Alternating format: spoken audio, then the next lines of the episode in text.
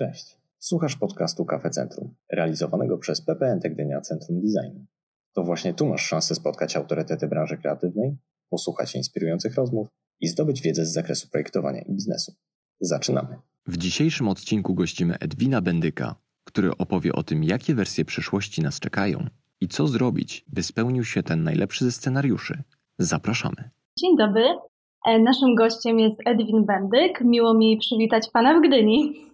Dzień dobry. Co prawda tylko w ten sposób zdalny, wolałbym być na miejscu, ale dobrze, że możemy choć tak się spotkać. Dzień dobry. Organizatorem wydarzenia jest miasto Gdynia i Pomorski Park Naukowo-Technologiczny Centrum Designu. Jak już wspomniałam, naszym dzisiejszym gościem jest Edwin Bendyk, dziennikarz, publicysta, pisarz, wykładowca, kierownik działu Nauka w Tygodniu Polityka, a także autor takich książek jak Zatruta studnia, Rzecz o władzy i wolności, Antymatrix, Człowiek w labiryncie sieci, Miłość, wojna, rewolucja, Szkice na czas kryzysu, Bunt, bunt sieci, Jak żyć w świecie, który oszalał oraz najnowsza W Polsce, czyli nigdzie, Rzecz o upadku i przyszłości świata.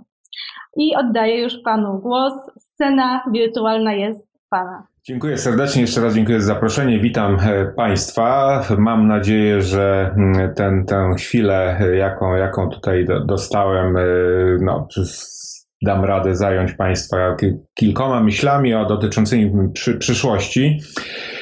Temat no, w czasach, w których żyjemy i ważny, ale jednocześnie niezwykle trudny, bo, bo sami widzimy, jak, jak ta przyszłość atakuje z nienacka zaskakującymi wydarzeniami. Kto rok temu, właśnie w tym równo rok temu, jakbyśmy pomyśleli, to, to był czas, kiedy e, w Davos odbywało się doroczne forum ekonomiczne i pandemia w Chinach już, to znaczy epidemia w Chinach już się rozkręcała, ale przecież nikt jeszcze poważnie nie traktował możliwości rozprzestrzenienia się tej epidemii, przekształcenia w pandemię, która będzie siać spustoszenie e, już nie tylko w Azji, ale również w Europie czy, czy, czy Stanach Zjednoczonych. To było zaledwie rok temu, potem pamiętamy w marcu e, już rzeczywistość w Polsce się zmieniła i ciągle jesteśmy właśnie pod, pod piętnem tej e, te, te, te, tego nie, nieoczekiwanego, chociaż, chociaż zapowiadanego wydarzenia. Teraz znowu jesteśmy na początku roku 2021, y, który rozpoczął nową dekadę lat 20.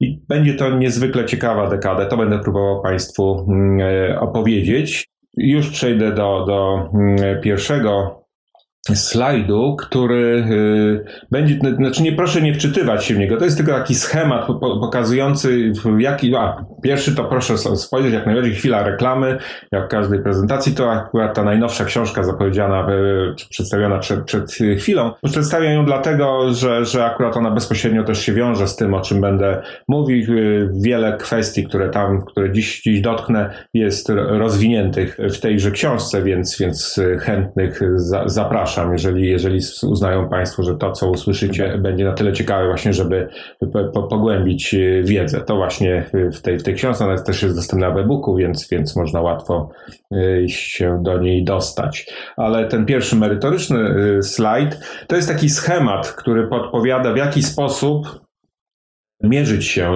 y, z przyszłością, kiedy chcemy jakby y, nie tyle ją odgadnąć, bo to jest niemożliwe, ale, ale jak najbardziej zracjonalizować rozmowę o przyszłości, stwierdzić, y, rozpoznać trendy, kluczowe czynniki, które potencjalnie mogą nas zaskoczyć, zbadać, co musimy sobie zapytać, co wiemy, czego nie wiemy, jakie są podstawowe dylematy, jakie podstawowe pytania strategiczne trzeba e, sobie zająć. No to jest taki schemat, którym posłużyłby się każdy, kto, kto dostałby za zadanie właśnie takiego profesjonalnego e, podjęcia kwestii przygotowania scenariuszy przyszłości, na przykład właśnie na nadchodzącą e, dekadę. Ale tak jak mówię, to nie, nie wczytujmy się w to, to tylko pokazuje, że, że właśnie poszukiwanie odpowiedzi na przyszłości to jest, jest dosyć poważną sprawą, ale jak najbardziej można te, te, to poszukiwanie zracjonalizować. A Dzisiaj skupmy się na pewnych, na kilku fragmentach i ilustracjach, które pomogą skoncentrować uwagę. Zdjęcie Blue Marble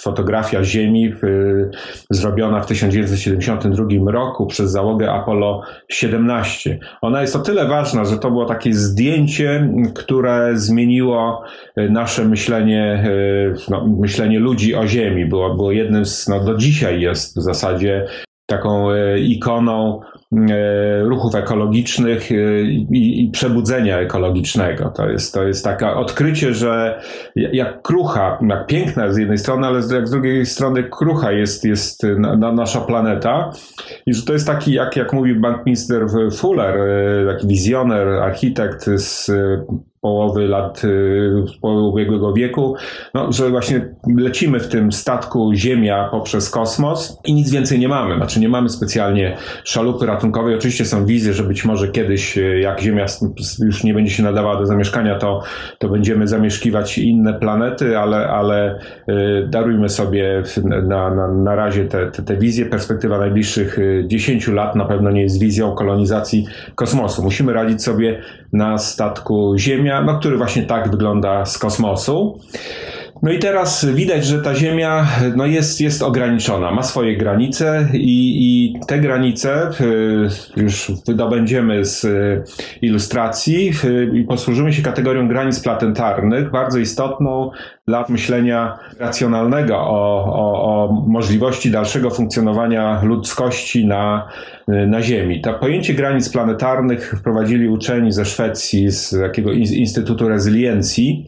Oni spróbowali jakby jakby odpowiedzieć na pytanie, no właśnie, jak, jakie, jaka jest odporność y, Ziemi całej jako pewnego rodzaju ekosystemu, którym zamieszkują nie tylko ludzie, nie tylko to wszystko, co, co potrzebne jest ludziom do życia, czyli, czyli chociażby zwierzęta hodowlane, no ale cały też ekosystem, prawda? Wszystko to, co nazywamy naturą czy środowiskiem naturalnym. I oni e, uznali, że jest dziewięć takich granic planetarnych, które, no właśnie, są, określają, są po prostu twarde bariery dla możliwości rozwoju cywilizacji. Jeżeli któreś z tych granic przekroczymy, no to prędzej czy później musi dojść do, do, do, do kłopotów, e, czy, czy wręcz do, do katastrofy. Po prostu stracimy możliwość mieszkania na tym statku kosmicznym i jak to może wyglądać, ta, taka katastrofa, to, to Hollywood e, do, dostarcza i dostarczał nie, nie, nieustannie, więc, więc możemy po to sięgnąć. Natomiast y, tu skupmy się na tych y, granicach. Nie będę ich wszystkich analizował, tylko pokazuję, że jest ich dziewięć. Jedno z nich jest to, co nas zajmuje co, coraz mocniej, czyli zmiany klimatyczne,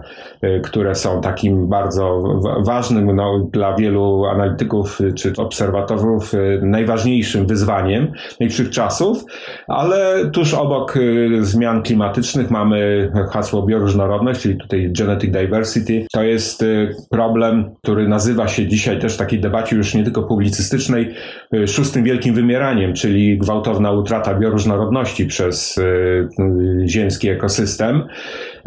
No i właśnie jedną z konsekwencji te, tego, tego procesu, który jest głównie wywołany przez aktywność ludzi, przez chociażby wycinkę lasów, poprzez ekspansję z siedlisk ludzkich w obszary naturalne, jednym z efektów jest y, właśnie pandemia, z którą się zmagamy. Po prostu coraz mniejsze są obszary oddzielające skupiska ludzkie od obszarów dzikiej przyrody, w której z kolei no, rozwijają się różnego typu patogeny, wirusy i kiedy ta bariera maleje, to następuje łatwiejsze przenoszenie patogenów z natury do, do, do siedlisk ludzkich na zwierzęta hodowlane, a potem, potem na samych ludzi. Właśnie koronawirus jest, jest jednym z takich właśnie przykładem zoonozy, czyli zakażenia, które pochodzi od y, zwierząt, od, od dzikich zwierząt. Y, no i to jest jedna z konsekwencji utraty bioróżnorodności. Tu jakieś widać tych, tych y, granic jest więcej. Nie, nie, nie, nie będziemy ich omawiać. W każdym razie to piękne zdjęcie, które zwróćmy do niego, właśnie można już zamienić na obraz bardziej analityczny. Tutaj jak widzicie Państwo te czerwone, z, y, takie, takie intensywnie czerwone obszary, no to są znaki ostrzegawcze, że tu w tych obszarach przekroczyliśmy już, już granice i żyjemy na środowiskowy kredyt. To razem składa się na taką e, tezę, którą postawił mm, e, Ugo Bardi, to jest włoski ekonomista związany z klubem rzymskim. ważna organizacja, która 1972 roku, tym samym, kiedy było zrobione to zdjęcie Blue Marble, e, opublikowała słynny raport Granice wzrostu. E, I Hugo Bardi jest jednym z ekonomistów, on nie był autorem tego raportu, ale kontynuuje ten, ten, ten sposób myślenia o, o tym, co, co nas czeka i jakim jesteśmy stanie. E, I on stawia tezę, że no, dotarliśmy do klifu Seneki. Ja za chwilę Państwu dokładnie pokażę na ilustracji, co, co, co ten klif oznacza, e, ale bardziej użył takiej metafory, odwołując się do jednego z, z listów moralnych e, z Seneki, który zastanawiał się, jak to jest, że e, dobrobyt rośnie powoli, a upadek następuje szybko. I, i tę metaforę odnosi Bardi do, do cywilizacji, pokazując, jak jaki sposób y, narasta cywilizacyjna złożoność, a wraz z nią różnego typu zalety cywilizacji, jakość życia, wolność i tak dalej, które wynikają właśnie z tego, że, no, że mamy coraz bardziej złożony system oferujący coraz więcej możliwości, zarówno w wymiarze społecznym, ale też technologicznym y, no, i, i ta, ta złożoność y, no, wymaga różnego typu zasobów i środowiskowych, i intelektualnych. I problem jest taki, że w pewnym momencie, no, zgodnie z, no, z, ilustracją, którą widzieli Państwo wcześniej, ale też z różnego typu modelami, e, które przygotowują badacze zajmujący się złożonością, dochodzimy do granic możliwości dalszego rozwoju tego, tego systemu. Znaczy cywilizacji, mówiąc prościej, cywilizacja dociera do, do bariery rozwoju. Problem jest taki, i tak, tak było z większością cywilizacji, które, no, które znamy tylko z podręczników historycznych, które upadły wcześniej, że dostrzegamy upadek, kiedy on już następuje, kiedy już jest zbyt późno, żeby zacząć się ratować, e, kiedy już właśnie spadamy z tego klifu Seneki. I teza Bartiego jest taka, że my właśnie do niego zbliżamy się, że już widać elementy dekompozycji cywilizacji. No właśnie ta pandemia, która chociażby nas w tej chwili męczy, no to jest, jest symptomem wyczerpania. Wyczerpania, yy, które pokazuje, polega właśnie na tym, że dotarliśmy do barier rozwoju. Ale tych aspektów wyczerpania jest więcej. Ja tu wypisałem na tym slajdzie. Jeden z tych e, objawów wyczerpania to jest coś, co, co w naukach e, społecznych, politologicznych nazywa się tragedią państwa. No to jest, to jest to, co zresztą obserwujemy, nie tylko w Polsce, że państwo udaje, że próbuje rozwiązywać problemy, zarządzać tym, co, co się stało, prawda? I, i e, jakieś rozporządzenia, które mają nas chronić przed pandemią. Tak naprawdę mamy, mamy świadomość, że niespecjalnie ktokolwiek kontroluje. Jeszcze w połowie ubiegłego roku rządzący przekonywali nas, że wszystko się wypłaszcza, że już wychodzimy, że już jesienią e, pandemii nie będzie. Oczywiście to, tak, tak nie było, chociaż chcieliśmy w to wierzyć. Dzisiaj nie wiemy, kiedy, kiedy cała ta historia się skończy. No, ale jest to problem nie tylko państwa polskiego, generalnie szerszy, polegający na tym, że, że, coraz, że, że coraz trudniej rządzić w takim modelu, jaki wymyślono kilkaset lat temu w ramach państwa narodowego i, i ten problem jeszcze ciągle nie został e, rozwiązany. A jest tak z kolei dlatego, że nie tylko te problemy takie właśnie jak, jak pandemia, ale w ogóle współczesne społeczeństwo jest tak złożone właśnie na skutek tej zmiany i, i, i rozwoju, że po prostu nie ma dla jego problemów uniwersalnych rozwiązań, które by można było wziąć z podręcznika, na przykład y, jak rozwiązywać problemy społeczne i zastosować. Po prostu każde społeczeństwo, w takim społeczeństwie jak Polska, każde miasto jest inne z innymi innymi problemami wymagającymi innych metod y, ich rozwiązywania. No i to właśnie powoduje, że, że, że państwo, tak jak było wymyślone, mimo przekonania niektórych, że, że, że może być inaczej, y, nie, nie funkcjonuje. A to, na to wszystko na koniec nakłada się coś, co brzmi tu bardzo strasznie, strukturalny kryzys termodynamiczny,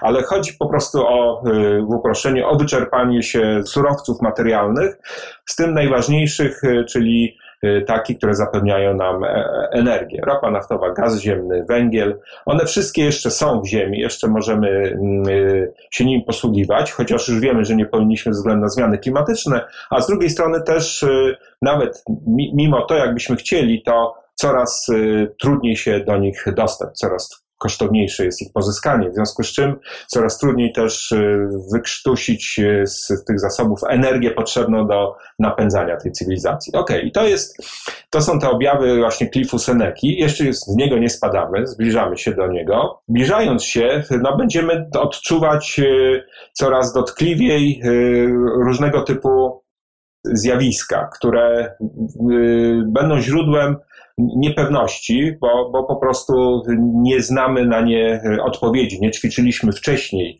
e, jakie mogą być konsekwencje rozwoju tych, tych zjawisk. I jest to właśnie, zacznijmy od tego, co jest teraz nam najbliższe, co nas najbardziej dręczy, no to zagrożenia zdrowotne, e, zwłaszcza pandemiczne. No, wiemy już dzisiaj, z, pod koniec ubiegłego roku, odbyła się konferencja prasowa ekspertów Światowej Organizacji Zdrowia, no, którzy e, szczerze, chociaż e, no, ze szczerością taką, nie, nie, nie, której wolelibyśmy pewno nie, nie słyszeć, ale musimy się zmierzyć z tym, co powiedzieli, no, że po pierwsze najprawdopodobniej, no wszystko na to wskazuje, że z tym koronawirusem, który mimo szczepionki, którą e, mamy, będziemy musieli już po prostu nauczyć się żyć. On będzie wracał, tak jak wirus pandemii wraca, tak samo koronawirus będzie wraca w kolejnych jakichś swoich mutacjach.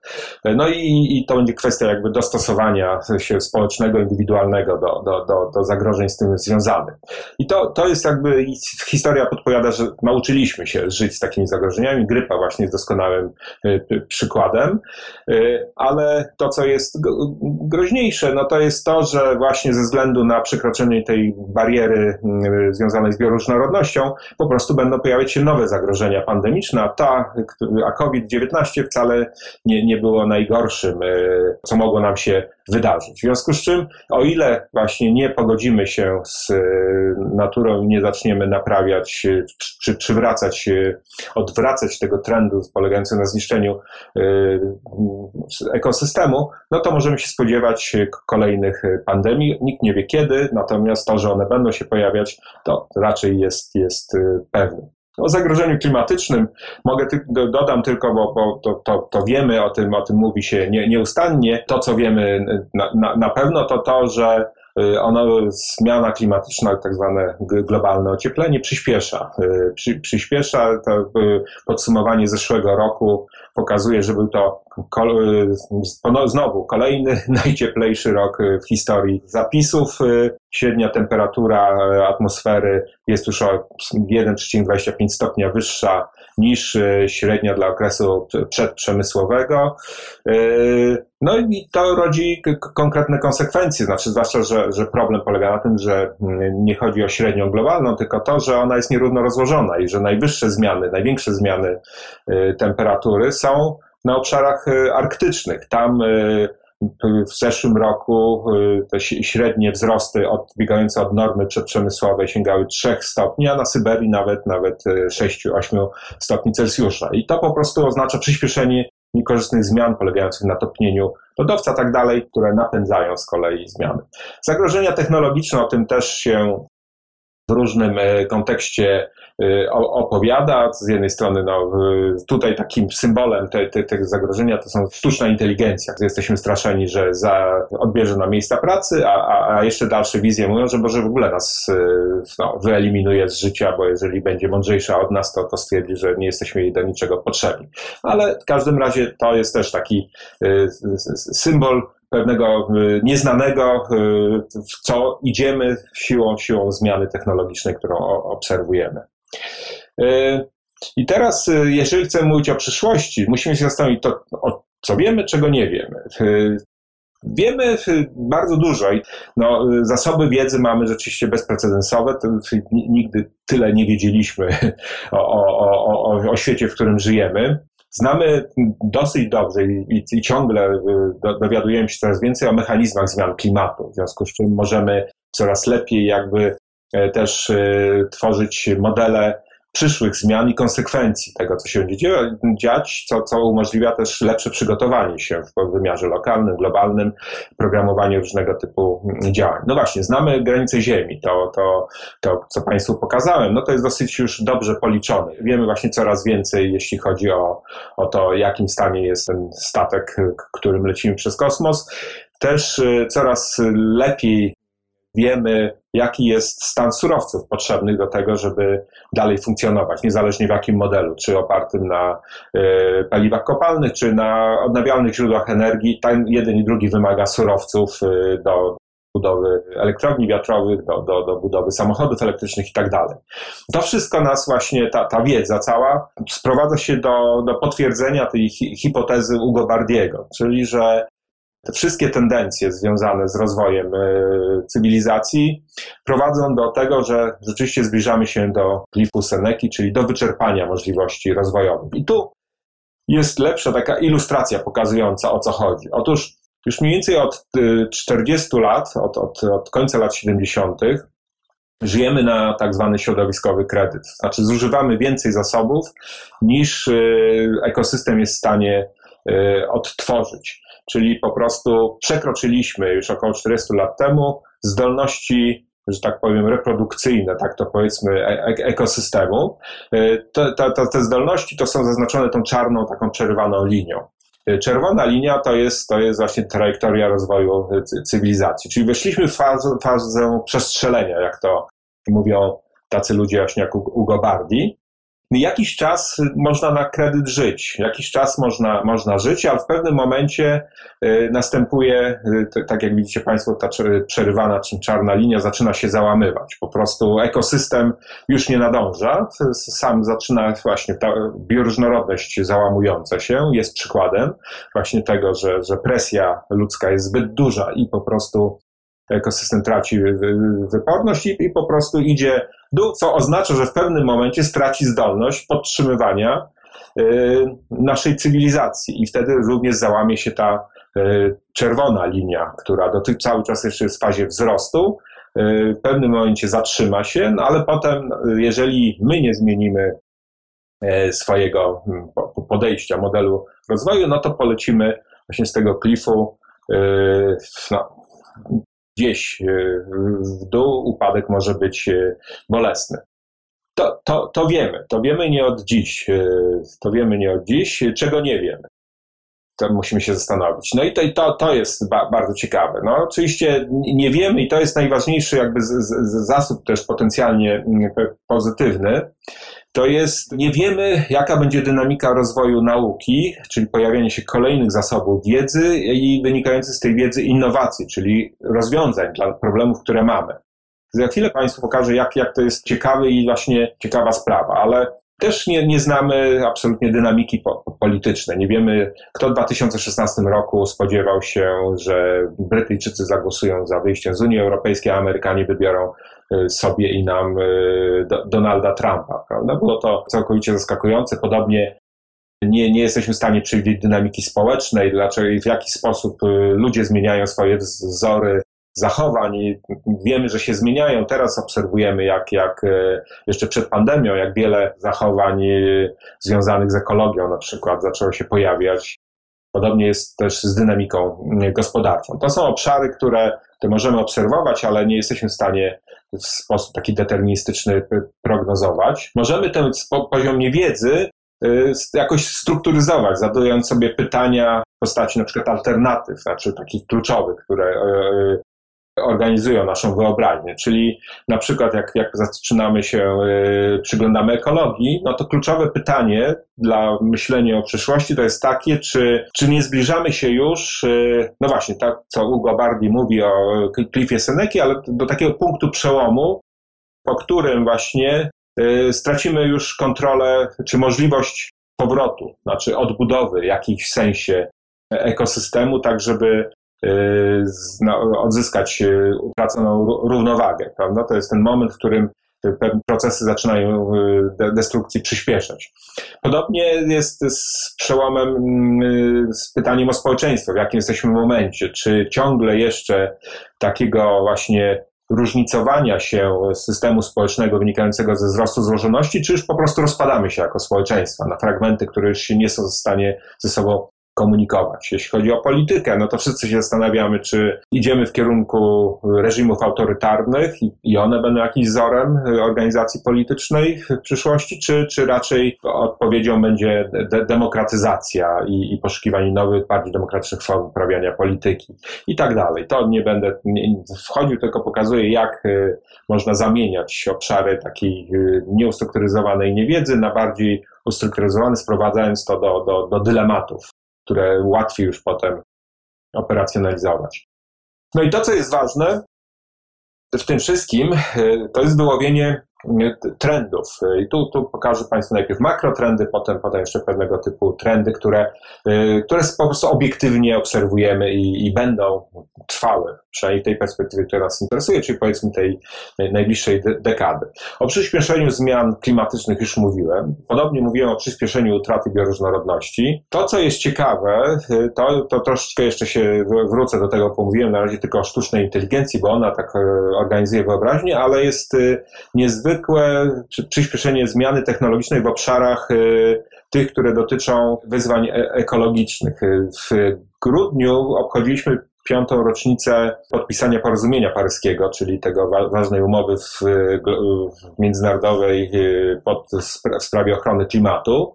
No i na to pięciolecie pokazywano, jak zmieniła się rzeczywistość w ciągu pięciu lat między innymi pod wpływem tegoż porozumienia i pokazywano, co myśmy pięć lat temu myśleli jeszcze o przyszłości i jak, jak bardzo pewne rzeczy no, uciekły przed tymi przewidywaniami, właśnie zwłaszcza z obszaru y, technologicznego. Otóż y, jeden z takich przykładów jest no właśnie znakomite mm, przyspieszenie rozwoju technologii wytwarzania e, energii w sposób niskoemisyjny poprzez panele fotowoltaiczne czy elektrownie wiatrowe. Tutaj wydajność i mierzona obniżaniem ceny jednostki energii pozyskanej z tych, z tych źródeł zmalała o wiele szybciej niż, niż zakładano 5 lat temu. Efektem jest chociażby to, że, że właśnie w Polsce ostatni rok to był rokiem rewolucji fotowoltaicznej, gdzie, gdzie, gdzie bardzo du, dużo, dużo tych instalacji za, zainstalowano. A in, inny przykład to jest z kolei elektryfikacja samochodów. Jeszcze w 2015 roku branża samochodowa zakładała, że no, być może w połowie stulecia osiągniemy taki poziom, że połowa sprzedawanych samochodów to będzie miała silniki elektryczne, reszta to będzie ciągle spalinowe. Dzisiaj mówi się, że ten próg zostanie osiągnięty w 2030 roku, kiedy to już około 60% sprzedanych samochodów będzie miało silniki elektryczne. Już za 3-4 lata mają być, no, wyrównać się ceny samochodów e, elektrycznych z samochodami spalinowymi, co, co wydawało się jeszcze, jeszcze właśnie 5 lat temu zupełnie nie, nie, nie, nie, niewyobrażalną perspektywą. Więc to widać, jak, jak, jak e, szybko tu doszło do, do, do zmiany, w tym momencie akurat bardzo pozytywnej, która jest odpowiedzią na, na, może być odpowiedzią na wiele problemów.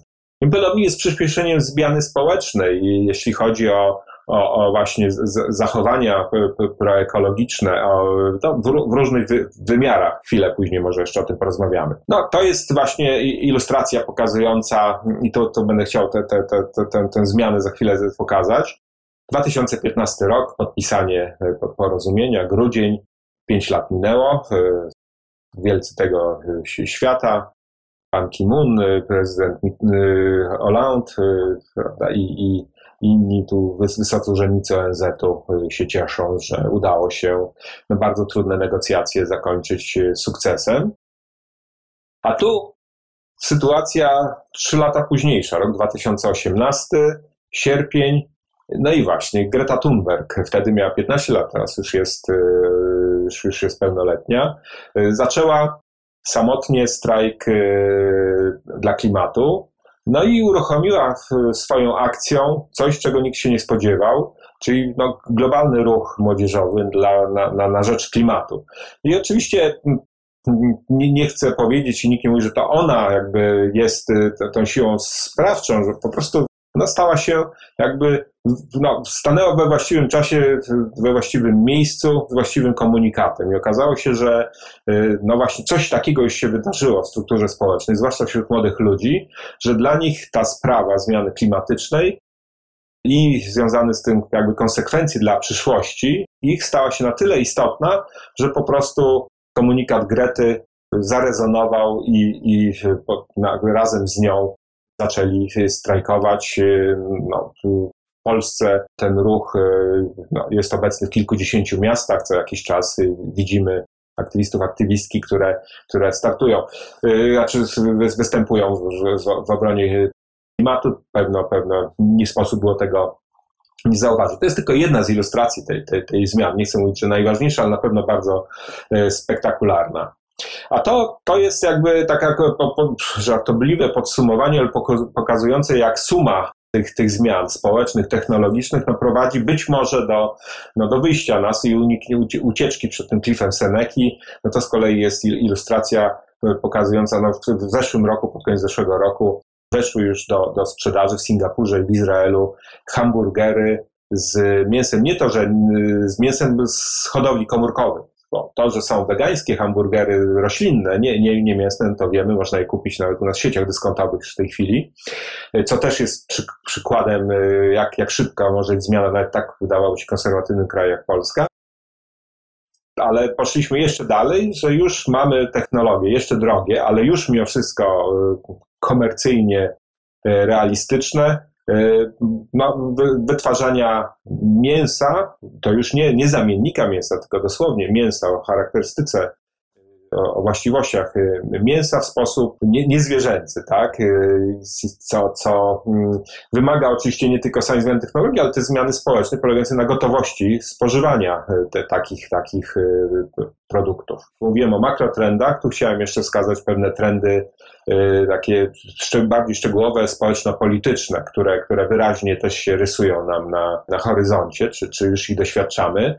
Jeden to jest koniec demokracji socjal-liberalnej. Wcześniej stawiałem ten dylemat, czy y, demokracja, czy autorytaryzm, a to jakbym przesądzał, ale to nie, nie, to stwierdzenie o końcu demokracji liberalnej nie oznacza końca demokracji i nadejścia systemów autorytarnych, tylko raczej y, to, i to jest y, rzeczywiście ostatni rok, to jest wysyp bardzo ważnych publikacji pokazujących, że tak jak 100 lat temu demokratyzacja demokracji polegała na włączeniu czynnika społecznego i właśnie zmiana systemu społeczno-gospodarczo-politycznych w takim paradygmacie socjaldemokratycznym. Tak dzisiaj musi dojść komponent y, ekologiczny, czyli musimy, jeżeli chcemy uratować demokrację w taki sposób, by była w stanie ona z kolei rozwiązywać problemy, o których mówiliśmy wcześniej, no to musi ona być y, demokracją już nie tylko społeczną, ale też ekologiczną. Prawda? I, I, w ten sposób, to jest sposób jej jakby ratowania ucieczki do przodu, chociaż oczywiście, czy, czy uda się e, to zrobić w sposób pokojowy,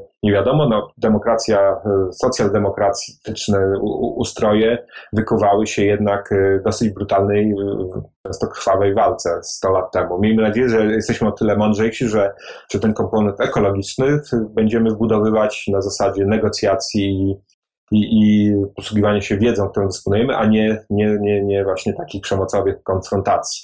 To może nam, y, ta, takie rozwiązanie, właśnie to nieprzemocowe, ułatwić inny czynnik, który też wyraźnie y, widać już strukturalnie, chociaż jeszcze może y, nie, nie, nie, nie zawsze on jest doświadczany w sposób, który byśmy chcieli, to jest koniec męskiej dominacji, czyli, czyli ładu, który, znaczy ciągle mężczyźni są, do, do, dominują w strukturze społecznej ze względu na pewnych historycznych zaszłości, ale nie ma obiektywnych po, powodów, dla których taką rolę mają pełnić. Znaczy współczesne społeczeństwo nie musi już się odwoływać do pewnych atrybutów, które no, były aspektem pewnych właściwości, które, które mają mężczyźni, no chociażby większa siła mięśni. Ona dzisiaj nie ma znaczenia e, w, no, kształtowaniu rzeczywistości. W związku z czym nie ma, no, nie, nie, tylko w związku z, z, tym faktem, ale też, też wieloma innymi, nie ma powodu, żeby, żeby pewien ład y, oparty na tym jakby dalej funkcjonował i to rzeczywiście widzimy. Kobiety są lepiej dzisiaj wykształcone tak dalej i ta zmiana przesuwa się, co też otwiera szansę nas nie, nie na to, że kobiety przejmą władzę, tylko to, że przejdziemy do, do świata, który będzie w ogóle światem, w którym nie będą relacje dominacji y, określać warunków y, życia, tylko bardziej pójdziemy w, w wartości jak, jak troska czy, czy współzależność. to koniec społeczeństwa, proszę się nie obawiać, to nie, nie, nie znaczy, że, że koniec z nami. To jest tylko tak, jest, powtarzam tutaj za wybitnym socjologiem francuskim Alanem Turenem, pewno stwierdzenie dotyczące, że skończyło się takie społeczeństwo, jakie znaliśmy, jakie powstało właśnie w epoce nowoczesnej, to, to którego cechą był koniec męskiej dominacji, ale też różnego typu formy organizacji, e, które, które no, wyczerpały się, które jeszcze istnieją, ale, ale, ale coraz mniejszym stopniu e, organizują nam życie, coraz bardziej polegamy na, na, na samoorganizacji poprzez wykorzystanie nowych technologii, chociażby komunikacyjnej yy, i, i, i tak dalej. I to jest, to jest jakieś, tworzy się no, nowe formy życia społecznego, ale niekoniecznie muszą się zrekonstruować yy, stare formy yy, organizacyjne.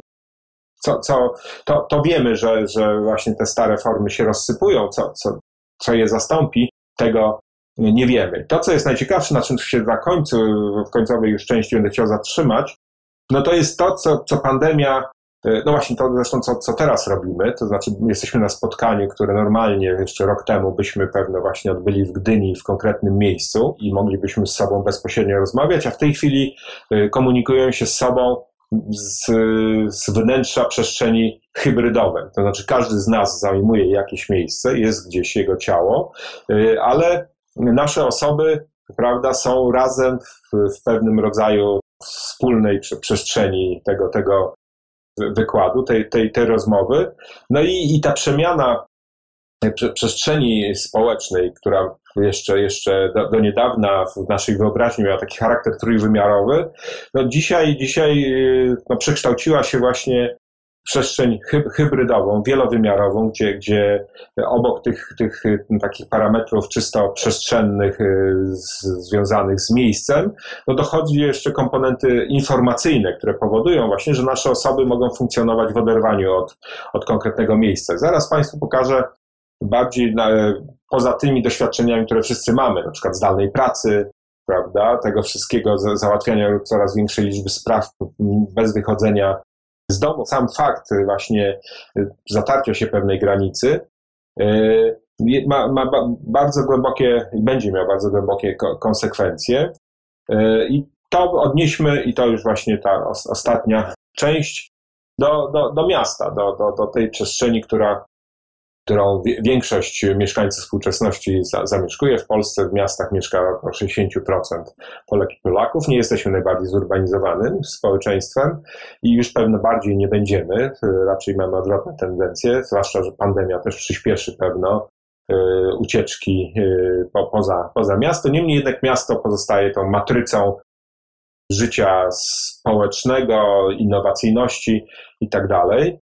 E, I y, czym jest, tu będę właśnie chciał Państwu pokazać, jak się zmienia myślenie, funkcja miasta y, w tym kontekście skoku z przestrzeni trójwymiarowej do przestrzeni y, hybrydowej. Otóż no to jest klasyczne takie zdjęcie, tradycyjne przestrzeni miejskiej, to jest Warszawa, krakowskie przedmieście, w momencie, kiedy, kiedy jest ono zamknięte dla ruchu samochodowego, no i widzimy po prostu sytuację typowo miejską, ilustrującą, do czego miasto zostało wymyślone. Czyli miasto jako przestrzeń, która zmusza ludzi do spotykania się z nieznajomymi osobami. No, my musimy tu zderzać się z, z obcymi, których w większości nie znamy, co miało istotne konsekwencje, bo, bo po prostu doprowadziło do, do wypracowania norm kultury, które chroniły nas przed tym, żeby się nie pozabijać, chociażby, bo generalnie nie jesteśmy nastawieni na, na, na to, żeby lubić obcych. Obcych się obawiamy, e, podchodzimy z niechęcią, a tu chodziło o to, że miasto zmusiło nas do tego, żeby, żeby wypracować różnego typu formy bycia razem, ale jednocześnie bez uciążliwego konieczności bycia blisko z innymi tak jak na wsi, gdzie niektórzy tęsknią do, do, do wspólnot wiejskich, ale są wspólnoty w dużym charakterze totalitarne, w tym sensie, że wszyscy o wszystkich wszystko wiedzą. W mieście możemy zachować y, anonimowość, y, ale za cenę no właśnie no, dużego takiego też stresu wynikającego z koniecznością spotykania się z innymi. Wymyśliliśmy różnego typu formy bycia w tej miejskiej e, przestrzeni, a konsekwencją z kolei te, te rozwoju tych form jest to, że miasto rzeczywiście przez to, że sprzyja mieszaniu się różnorodności, też jest idealną przestrzenią wylęgania się nowych idei, innowacji i tak dalej, bo ze spotkania różnych, różnych wrażliwości, pomysłów, no właśnie rodzą się też nowe y, rzeczy. No ale to jest miasto, powiedzmy, y, nie wiem kiedy to zdjęcie powstało, ale, ale, ale tu y, pewno dosyć dawno.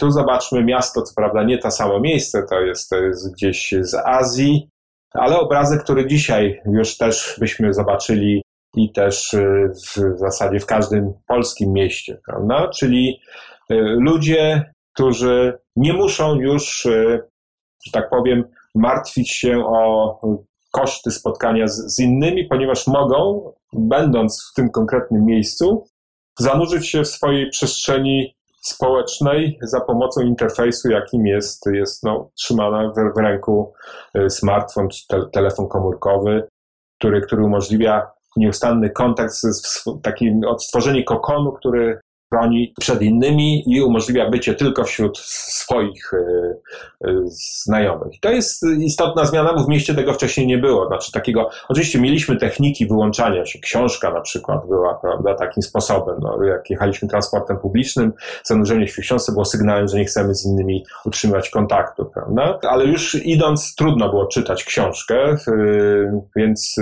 Dzisiaj coraz częściej właśnie ma, mamy możliwość izolowania się w tym własnej y, sieci, y, co powoduje, że miasto traci pewną swoją istotną właściwość nie tylko tego miejsca z wymuszającego kontakty, ale też to, co jest istotne, że zaczynamy doświadczać miasta też poprzez e, ekran. To znaczy, jeżeli spojrzycie Państwo, a jeżeli zwłaszcza tutaj młodsi, którzy no, nigdy nie korzystali na przykład z planów e, miejskich, takich e, planów miast na, na papierze, tylko posługują się mapami Google'a czy, czy, czy innymi elektronicznymi, cyfrowymi mapami, z tego względu tracą poczucie morfologii miasta, które było naturalne dla tych, którzy doświadczali miasta jako przestrzeni trójwymiarowej do której dostęp był ewentualnie właśnie poprzez y, kartograficzne reprezentacje, takie jak mapy miast. To zmuszało, wytwarzało inną wyobraźnię niż teraz, kiedy y, kontaktujemy się z miastem za pomocą y, interfejsu cyfrowego, który, który zamienia też miasto po prostu na ciąg bitów, prawda, zer, jedynek, które się rekonstruują na ekranie i po, pozwalają dotrzeć do konkretnej usługi, do konkretnego miejsca, ale bez konieczności wyobrażania sobie tego, co jest między mną a, a tą, tą przestrzenią. No, idziemy, bo Google nam to pokazuje, prawda, tę drogę, nawet nie, już nie pamiętając, y, nie ucząc się sposobu y, dotarcia. Miasto właśnie traci swoją y, właściwość, ale też jednocześnie samo miasto uczy się nas, też te technologię włącza do, do tego, żeby radzić sobie z nami jako jego mieszkańcami. Prawda? To miasto staje się przestrzenią nadzoru. Te informacje, które zostawiamy swoimi ciałami, ale też zachowaniami właśnie w, w internecie, w komórkach, są skrzętnie monitorowane. Jesteśmy podglądani na, na, na, na wszelki sposób, monitorowani przez sieci telefonii komórkowej, przez tych wszystkich, którzy mają dostęp do, do informacji w tych, w tych sieciach. I to na przykład jest bardzo ciekawy przykład, jak można kartografię taką klasyczną po lewej stronie macie Państwo właśnie plan miasta, plan Warszawy, a z prawej strony to jest ten, ten sam fragment Warszawy, tylko przedstawiony na podstawie e, impulsów ze stacji bazowych jednej sieci komórkowej zostały zebrane w, w noc sylwestrową. Tylko nie tę ostatnią, bo nie wolno było, ale, ale tam którąś wcześniejszych, kiedy zaczynamy wysyłać sobie dosyć intensywnie SMS-y, prawda? I, i, I to są po prostu skupiska ludzi yy, ilustracja jak, e, gdzie, gdzie się znajdujemy na podstawie sygnałów z SMS-u. To oczywiście jest bardzo banalna aplikacja, natomiast w praktyce te dane z sieci komórkowych, no, chociaż służą między innymi do tego, żeby na przykład e, w trakcie meczy na podstawie analizy ruchu e, właśnie w sieci komórkowej obserwować przemieszczanie się kibiców wrogich drużyn. Czy w ogóle można z dosyć dużym prawdopodobieństwem też prognozować przemieszczanie się konkretnych osób i, i tak dalej. No to jest, to jest właśnie sposób, e, ilustracja, jak, jak, jak kartografia miasta e, z trójwymiarowej przekształca się na, na, na tą właśnie hybrydową, w której zmieniają się reguły kontroli, bycia, obserwacji też jakiejkolwiek prywatności. No i teraz, tak jak powiedziałem, pandemia przyspieszyła wiele kwestii i to, co najciekawsze moim zdaniem się działo, to właśnie będzie dotyczyło miasta, gdzie będziemy te, te wszystkie rzeczy, które wcześniej Państwu opowiadałem, i, i zmiana technologiczna, i zmiany w, w wymiarze społecznym, politycznym, też konsekwencje zmian klimatycznych, to wszystko będzie musiało być przez miasto i przez nas, mieszkańców miasta, zaabsorbowane. Część z nas y, ucieknie z miasta, już ucieka, wybierając bezpieczeństwo, tak im się wydaje, poza, poza miastami, ale niektóre miasta już odpowiadają na to aktywnie, chcąc ochronić się przed takimi scenariuszami ucieczkowymi, przed, przed tym syndromem miasta jako czegoś niebezpiecznego w czasie pandemii. Jeden z ciekawych inicjatyw no to, jest, to jest to, co się dzieje w Paryżu. Paryż y, przeżywa rewolucję już od y, dłuższego czasu, jeszcze przed pandemią. Pan Hidalgo, mer Paryża, rekonstruuje miasto. Pandemia stała się tylko dowodem słuszności tego kierunku. Taką główną osią to jest hasło miasta 15-minutowego, które no, polega na tym, że y, miasto jakby zaczyna się dekomponować z takiej złożonej struktury wysokiej skali na, na, na mniejsze kompaktowe takie e, ośrodki, w których w promieniu 15 minut marszu jest wszystko, co potrzeba, żeby dobrze e, żyć. Pandemia jeszcze dołączyła do tego aspekt pracy, że również coraz częściej będziemy też pracować, niekoniecznie w domu, być może właśnie w przestrzeniach wspólnych, które będą w takich organizowane. I, i to, to, to jest, wydaje się banalne, ale, ale radykalnie zmienia koncept miasta. Kto zna Paryż, to wie, że, że jak, jak bardzo rewolucyjne to jest podejście. Inny pomysł to jest z kolei łączący aspekty ekologiczne, to jest projekt y, ekonomii y, ekonomiczny dla Amsterdamu, tak zwany DAFNAT Amsterdam, y, który polega na wdrożeniu zasad ekonomii pączka z dziurką wypracowanej przez Kate Raworth, to jest taka ekonomistka z Oxfordu, która właśnie próbuje pogodzić myślenie ekonomiczne z tym, od czego zacząłem, czyli z, e, tą, e, z granicami planetarnymi. I już ostatnie zdania. Ta, ta koncepcja polega na tym, że ona twierdzi, że po prostu w myśleniu o gospodarce, czy to gospodarce miasta, kraju, czy, czy, czy świata, musimy pogodzić dwa wymiary. Jeden społeczny, czyli celem gospodarki, polityki gospodarczej musi być zapewnienie wszystkim mieszkańcom pewnego minimum jakości życia, no, które można rozpisać. Y, to jest dostęp do, do oczywiście bezpiecznej żywności, wody, edukacji i tak dalej, ale zapewniając to minimum, nie możemy z kolei przekroczyć tychże wskazanych wcześniej granic y, planetarnych. Nie możemy tego robić na koszt środowiska. I y, żonglowanie, czy takie jakby utrzymywanie równowagi między tymi dwiema granicami, granicą społeczną, a granicą ekologiczną, powoduje, że e, siłą rzeczy musimy rozwiązać wiele kluczowych e, spraw, z którymi się mierzymy, jak chociażby nierówności. W takim, takim modelu nie ma miejsca dla nierówności, bo one by oznaczały, że ktoś musi po prostu umrzeć, bo nie będzie miał dostępu do pewnego typu zasobów. Więc jeżeli chcemy uniknąć e, eksterminacji jakiejś części ludzkości, to musimy właśnie z, wypracować model, mm, który godzi te, te dwa, dwie granice, pozwala nam żyć między tymi dwiema granicami. Amsterdam zaczął to wdrażać już jako, jako miejską strategię. To pokazuje, że rzeczywiście nie jesteśmy zupełnie bezradni wokół tego, co, co się dzieje. Oczywiście nie ma gwarancji, że to jest odpowiedź, która rozwiąże wszystkie problemy, ale pokazuje, że rzeczywiście możemy łączyć to, co wiemy, z y, chęcią przygotowania się na to, co może nas y, zaskoczyć, ale, ale y, lepiej się do tego tak przygotować, że to zaskoczenie nie oznaczało zepchnięcia właśnie z klifu Seneki, tylko, tylko było impulsem do kolejnej, oby pozytywnej zmiany. Tak, ja dziękuję y, za, za ten wykład, ale też dziękuję za tę pozytywną myśl na koniec, że w czasach, kiedy tak dużo mówimy o kryzysach i o tych zagrożeniach, y, też jednak y, jest miejsce na rozmowę przede wszystkim o rozwiązaniach i też o takiej nadziei na to, że być może to nas doprowadzi do czegoś faktycznie takiego korzystnego, być może do jakiegoś lepszego, e, lepszego świata. A ja mam teraz kilka pytań jeszcze od e, naszych widzów i pierwsze pytanie będzie od Julii. E, przedstawione zagadnienia wydaje się, że wymagają głębokich strukturalnych przemian.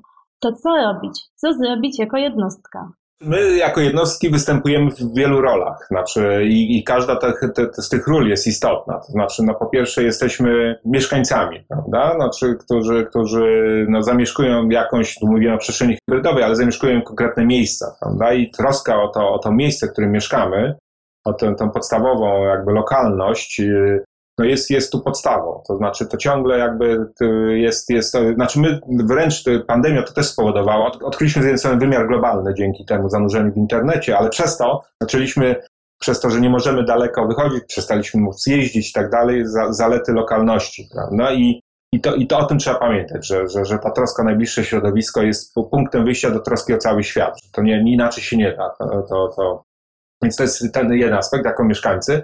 No dwa jako konsumenci. Oczywiście tu mamy nie to, że nieograniczony wybór, bo oczywiście marketing, strukturalne pewne czynniki powodują, że, że musimy, czy, czy jesteśmy skłaniani do, do, do konsumowania w sposób nie zawsze właściwy z tymi celami, o których mówiłem. No, nie mamy wpływu e, wielkiego na to, że, że nie ma, do, że produkty, które dostajemy albo są opakowane, prawda, nie, nie ekologicznie, albo urządzenia domowe są tak projektowane, żeby szybko ulec zniszczeniu. Tak? Ale możemy starać się, jeżeli jest alternatywa, wybierać jednak y, bardziej no, lepsze rozwiązania, dając im sygnał y, do, do producentom, że, że, że to jest ważne, bo oni reagują jednak na, na, na tego typu sygnały i widzimy, że tu ta zmiana następuje. No i w końcu, że trzecia, jesteśmy obywatelami. No i po prostu wybieramy. Znaczy mamy możliwość wybierania, też oczywiście narzekamy, że ograniczono i że, że często te wybory nie są idealne, ale niemniej jednak od tego, kto rządzi czy kieruje miastem, gminą, krajem, no, zależą konkretne decyzje.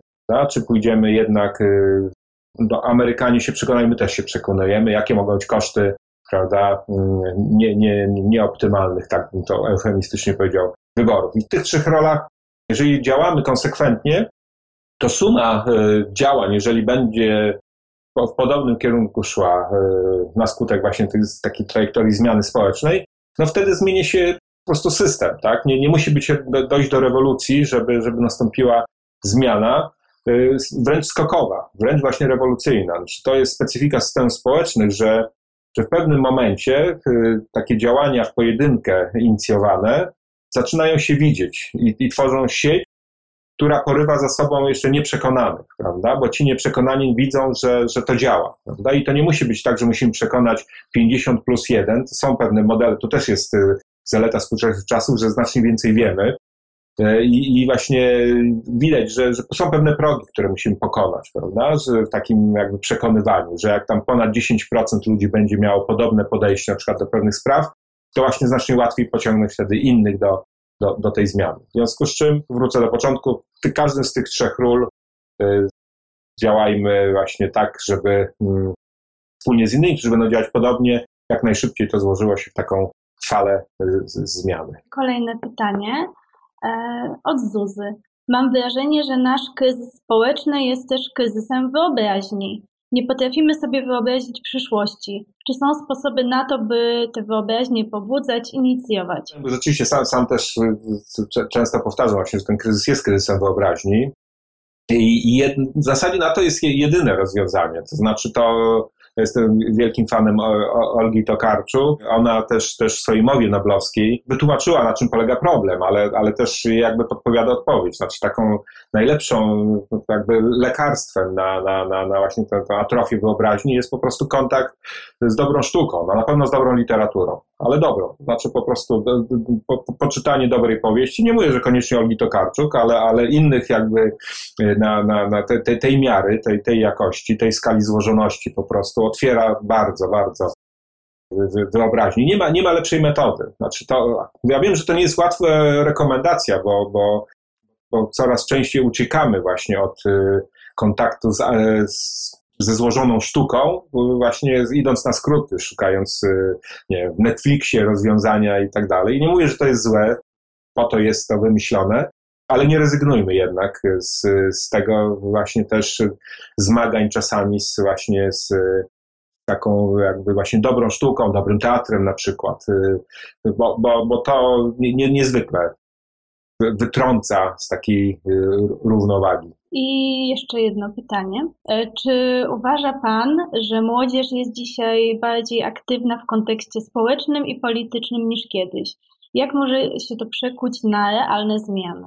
no widzimy, że jest aktywna. No to, to, jest, to samo się nam pokazało, tu nie można, to, to, to nic mądrego się nie powie, wystarczy spojrzeć na ulicę, a zwłaszcza przypomnieć sobie, co się działo prawda, w październiku, listopadzie, e, nie tylko w dużych miastach, no w wielu to, to było ruch jakby z, głównie przez ludzi młodych. Sam pokazywałem ten, ten ruch na rzecz klimatu, prawda, to zdominowałem. To, to, co było tutaj fenomenem, jest ciągle, to, że to byli rzeczywiście młodzi nastolatkowie, często ludzie jeszcze no, nie mający praw wyborczych, prawda, którzy, którzy bardzo świadomie wystąpili w pewnej sprawie. Więc to jest, to jest y, rzeczywiście w jakimś sensie bezprecedensowe. To, to, to, y, ja pamiętam różne formy zaangażowania z czasu swojej młodości, to jednak, jednak to, znaczy, oczywiście inny też kontekst był, ale, ale, ale to rzeczywiście robi wrażenie. Ja z tym oczywiście no, wiążę wielkie nadzieje, natomiast tu jest jeden taki zasadniczy problem, który musimy wszyscy razem rozwiązać, znaczy i młodzi z tą ich energią, którą, którą teraz pokazują, i, i my starsi,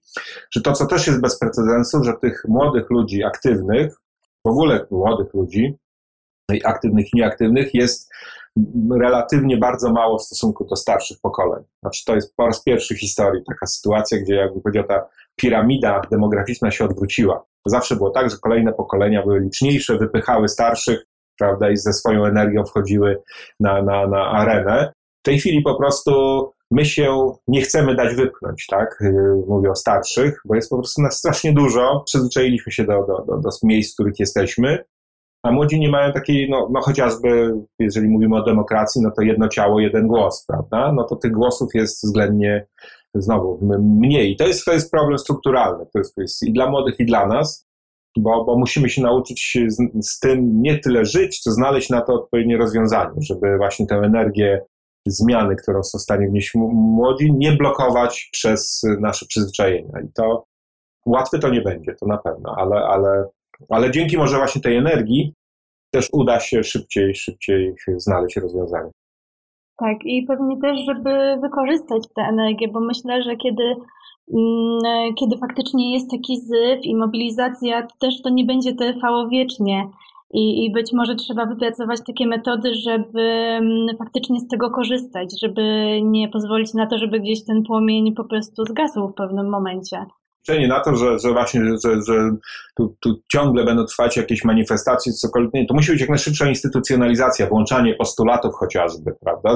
No, mnóstwo jest, jest bardzo mądrych, jak się patrzy, czyta na postulaty strajku, młodzieżowego strajku klimatycznego, one powinny być natychmiast, że tak powiem, przełożone na praktykę chociażby działania szkoły, prawda? Bo, bo tam bardzo konkretne rzeczy. Czy praktykę też działania sfery publicznej, kiedy oni jednak upominają się o większy szacunek dla nauki, tak? I uwzględnianie wiedzy naukowej w podejmowanych decyzjach. No to, to są wszystko rzeczy, które można i powinno się jak najszybciej wdrażać jako, jako pewne rozwiązania. Teraz mam jeszcze ostatnie pytanie od Izy.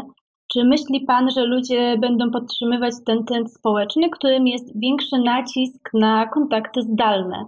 Zauważyłam przesilenie i spadek efektywności przy tego typu pracy kontaktach.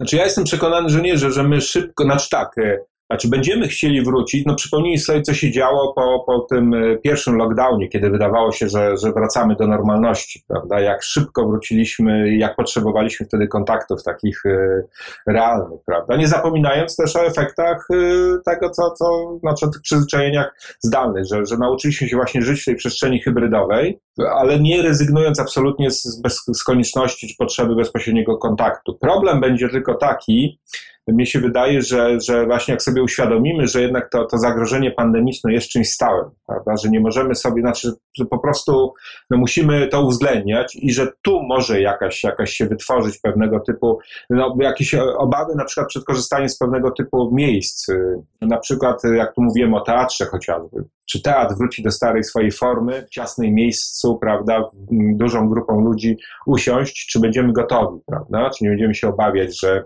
ten, kto siedzi obok, jest źródłem jakiegoś zagrożenia dla nas. Nie wiem, być może to oswoimy i, i, i przestaniemy, no tak jak grypa przestała nas, prawda, jakby tutaj przerażać, ale niemniej jednak y, to, to na pewno będziemy jakoś, jakoś się tego Yy, uczy ci pewno wiele, no, to co jest problemem dla miast, o których mówiłem, transport publiczny. Tu, tu obawy są, że to na dłużej pozostanie dla nas taka niechęć do korzystania z transportu, chociaż już tak bardzo dużo zrobiliśmy w Polsce akurat, żeby, żeby ten transport odzyskać, no to tu może być, być yy, na przykład problem. E, dziękujemy za wszystkie pytania, a także za czas, który nam poświęciliście. Mamy nadzieję, że wynieśliście z naszego spotkania wiele cennych informacji i inspiracji do działania.